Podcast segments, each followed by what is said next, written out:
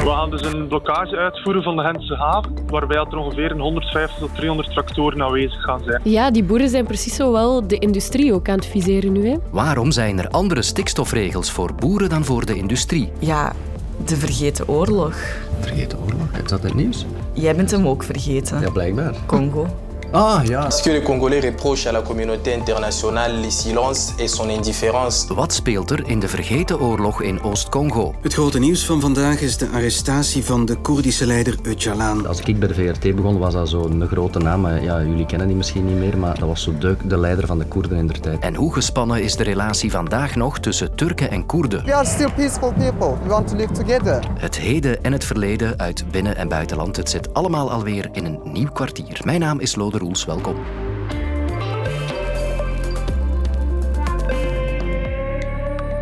Mevrouw Demir, maakt u de boeren iets wijs met wat de regering gaat beloven? Goedemorgen.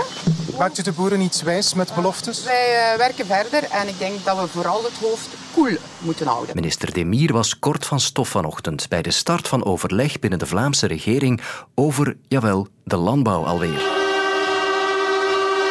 De boeren protesteren nog altijd en om druk te zetten blokkeerden ze vandaag de haven van Gent. Door negen tractoren op de brug over het kanaal Gent-Terneuzen kan die niet meer omhoog. Op dit moment blokkeren landbouwers invalswegen op de weg en langs het water naar de haven van Gent. De scheepvaart ligt er plat en daarmee raken ze dus de industrie. Wij staan hier vooral voor de ongelijkheid tussen de landbouw en de industrie. Omdat het dan die grote scheepvaart niet door kan. En dan zo dat we toch wel een beetje de industrie kunnen treffen, omdat we niet akkoord zijn dat de industrie meer mag uitstoten dan de landbouw. Ja, dat is al langer een pijnpunt. Want volgens de boeren wordt de landbouw in het stikstofdossier slechter behandeld dan de industrie. Maar waarom werd er ook alweer een onderscheid gemaakt tussen die twee? Dat heeft zowel met wetenschap als met politiek te maken. En dus haal ik er twee stikstofexperts bij. Vincent Merks van onze wetenschapsredactie ja, ja, okay. en Lonne van Erp Goed. van de politieke redactie. En Vincent begint met het verschil uit te leggen tussen stikstof van de landbouw en stikstof van de industrie. Ja, we hebben eigenlijk twee problematische vormen van stikstof, om het zo te zeggen. Dat is ammoniak en stikstofoxide. Die hangen alle twee in de lucht, worden alle twee uitgestoten. De veeteelt, de landbouw en dan vooral de veeteelt, die uh, stoten ammoniak uit. En de industrie, die stoten stikstofoxide uit. Nu, als je kijkt naar de stikstofneerslag in Vlaanderen, waar we de grootste problemen hebben, dat is in West-Vlaanderen en in de Kempen. En dat is nu net waar we heel veel veeteelt hebben. En daar is ammoniak het grote probleem. We zien dat ook als we naar de cijfers kijken. Um, Vlaanderen is op zich ongeveer tot 2015 redelijk goed geweest in het terugdringen van de stikstofneerslag. Maar vanaf 2015 lukt dat eigenlijk niet meer. En dat komt vooral door de landbouw. Over naar Lonne dan. Want ook op politiek vlak, in het stikstofdecreet dus, is er een onderscheid gemaakt tussen beide. Dat heeft te maken met wat Vincent daarnet uitlegde. Er is gewoon een verschil in stikstof dat daar uitgestoten wordt. Maar het heeft ook te maken met de beschikbare stikstofruimte die er nog is. Hoeveel stikstof er nog bij kan komen. En een minister heeft het mij eens uitgelegd als... Die ruimte is wel 50-50 verdeeld. Dus de helft voor de industrie, de helft voor de landbouw. Maar vanuit de landbouw komt er nu eenmaal veel meer stikstof, of toch in de vorm van ammoniak, bij. Dus proportioneel moet die koek daar over veel meer deeltjes verdeeld worden. En dat verklaart dan ook waarom er strengere regels nodig zijn voor de landbouw dan voor de industrie. En dan terug even naar de wetenschap. Want er is ook een verschil in de impact van beide. Wel, vooral de uitstoot van ammoniak heeft een uh, hoge impact op onze Vlaamse natuur. Dat komt omdat die uh, uitgestoten wordt door landbouwbedrijven. Dat, dat komt uit stallen, dat komt als boeren hun akkers bemesten. En dat blijft heel lokaal. Dat is echt binnen de paar kilometer dat dat opnieuw neerslaat. Bij stikstofoxiden, die dan de industrie vooral uitstoot, is dat anders. Dat komt uit, uit hoge schouwen, dat is ook heel verdund. En dat waait vaak tot in het buitenland, tot in uh, Nederland bijvoorbeeld. Dus uh, vooral de ammoniak die hier uitgestoten wordt door de landbouw, heeft hier bij onze Vlaamse natuurgebieden een, uh, een grote impact. Oké, dat is duidelijk. Maar wordt dat verschil ook besproken op dat cruciale overleg van vandaag? Nee, dat ligt niet op tafel. Stikstof wordt wel besproken, maar op een andere manier. Het gaat meer over technische details in dat stikstofdossier. Technieken die goedgekeurd moeten worden, waar landbouwbedrijven dan gebruik van kunnen maken om hun stikstofuitstoot te verlagen, bijvoorbeeld. Of de voorbereiding van op termijn een heel andere aanpak van het stikstofbeleid. Maar er is een stikstofdecreet goedgekeurd, waarin die andere regels voor landbouw en industrie nu eenmaal zijn vastgelegd. En dat decreet gaan ze niet meer openbreken. Dat decreet staat vandaag niet ter discussie. In het stikstofdecreet is wel afgesproken dat ze op termijn een heel andere aanpak willen van het stikstofbeleid. Maar daarvoor zijn er onderhandelingen nodig met Europa. Dat gaat nog een hele tijd duren. En ze willen dat wel voorbereiden om te zorgen dat dat zo snel mogelijk kan. In de praktijk zal dat wel nog een aantal jaar duren. Dus dat stikstofdecreet op termijn zal dat herzien worden, maar dat is niet iets wat op korte termijn kan en al helemaal niet na vandaag. En wat er vandaag dan wel beslist zal worden, kan je volgen op VRT Nieuws. En dat we hierop zullen terugkomen, dat staat ook vast. Wordt vervolgd.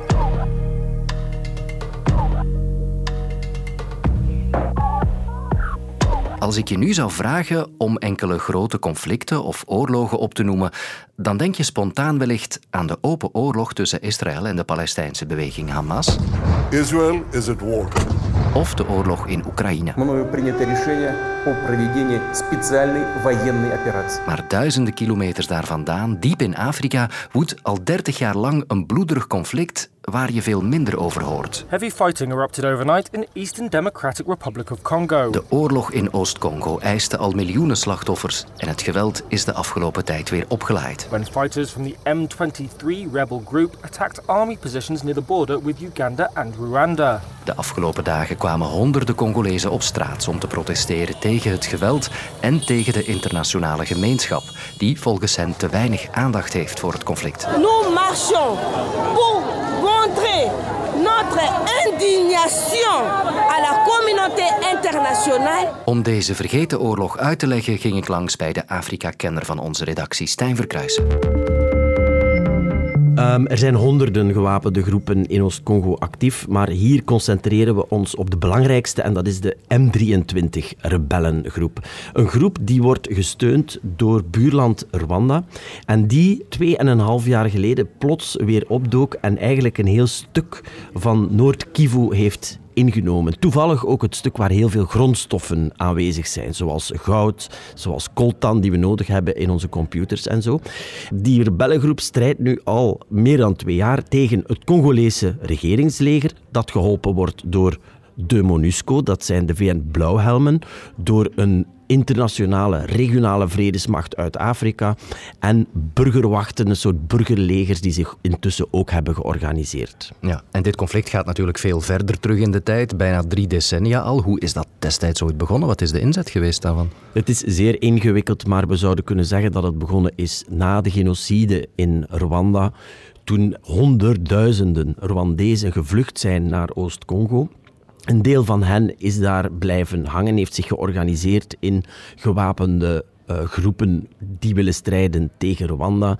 Er zijn etnische conflicten tussen Congolezen die daar al langer wonen en Rwandees sprekenden die daar nog niet zo lang wonen.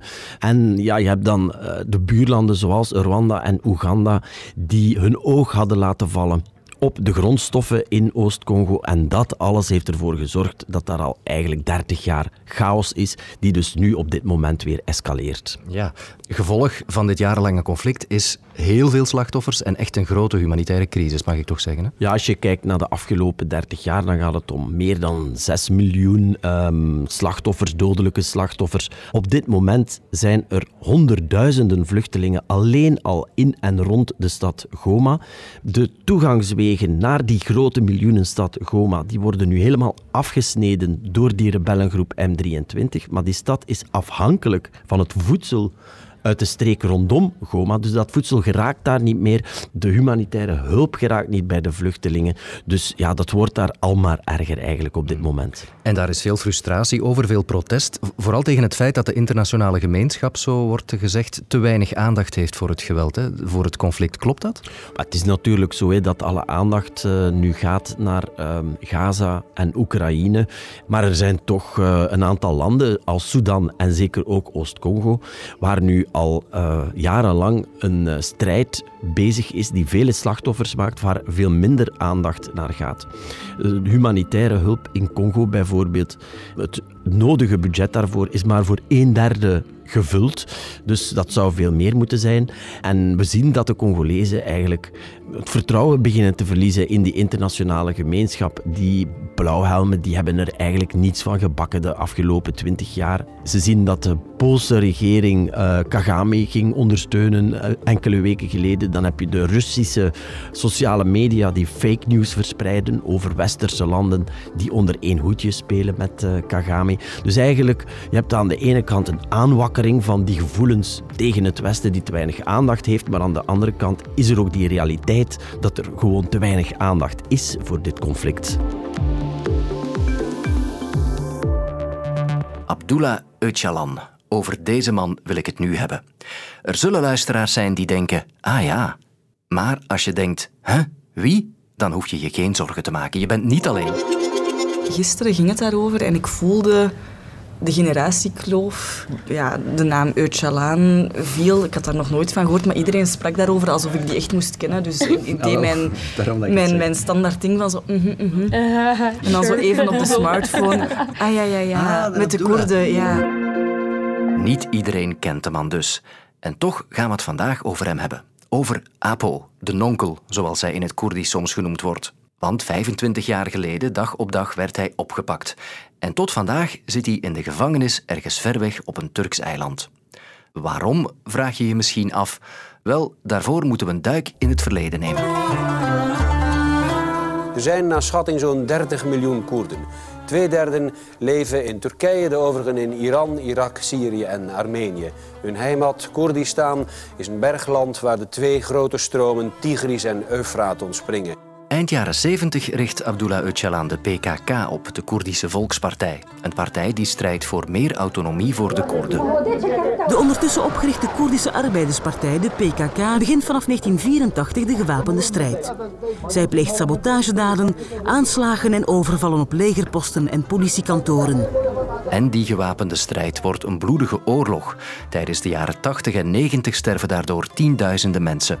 En dus wordt Öcalan de staatsvijand van Turkije. Maar dan, het is 15 februari 1999. De Griekse ambassade in Nairobi bood twaalf dagen lang onderdak aan PKK-leider Öcalan. Maar op weg naar de luchthaven raakte de Keniaanse veiligheidsdienst de wagen kwijt waarin Öcalan zat. Öcalan wordt in Kenia opgepakt door de Turkse geheime dienst. Hij wordt geblinddoekt op een vliegtuig terug naar Turkije gebracht. Daar wordt hij veroordeeld tot de doodstraf. Later wordt hij omgezet naar levenslang. Een heel verhaal dus.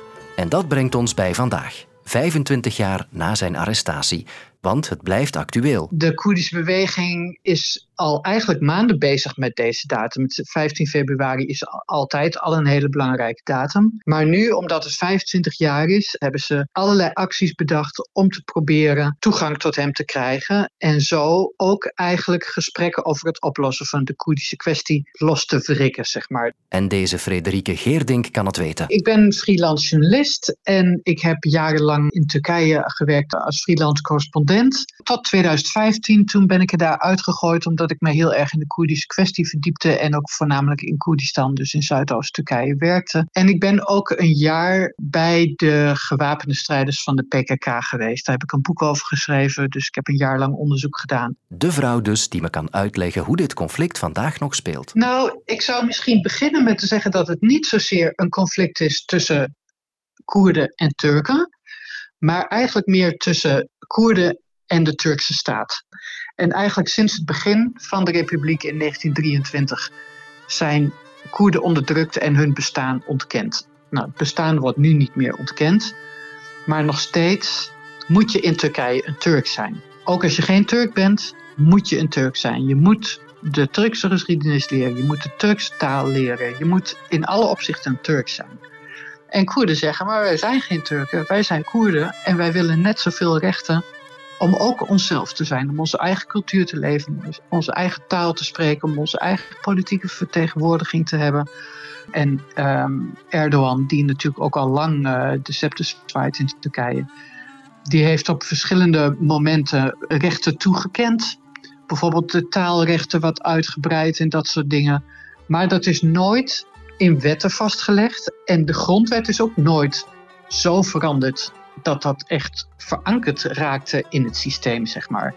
En daar gaat die strijd dus eigenlijk om. Van we willen niet af en toe als de politieke wind gunstig staat, dat we dan eens een keer wat lesjes in onze moedertaal mogen volgen of geven aan onze kinderen. We willen dat die grondwet veranderd wordt, dat onze rechten verankerd worden in het systeem.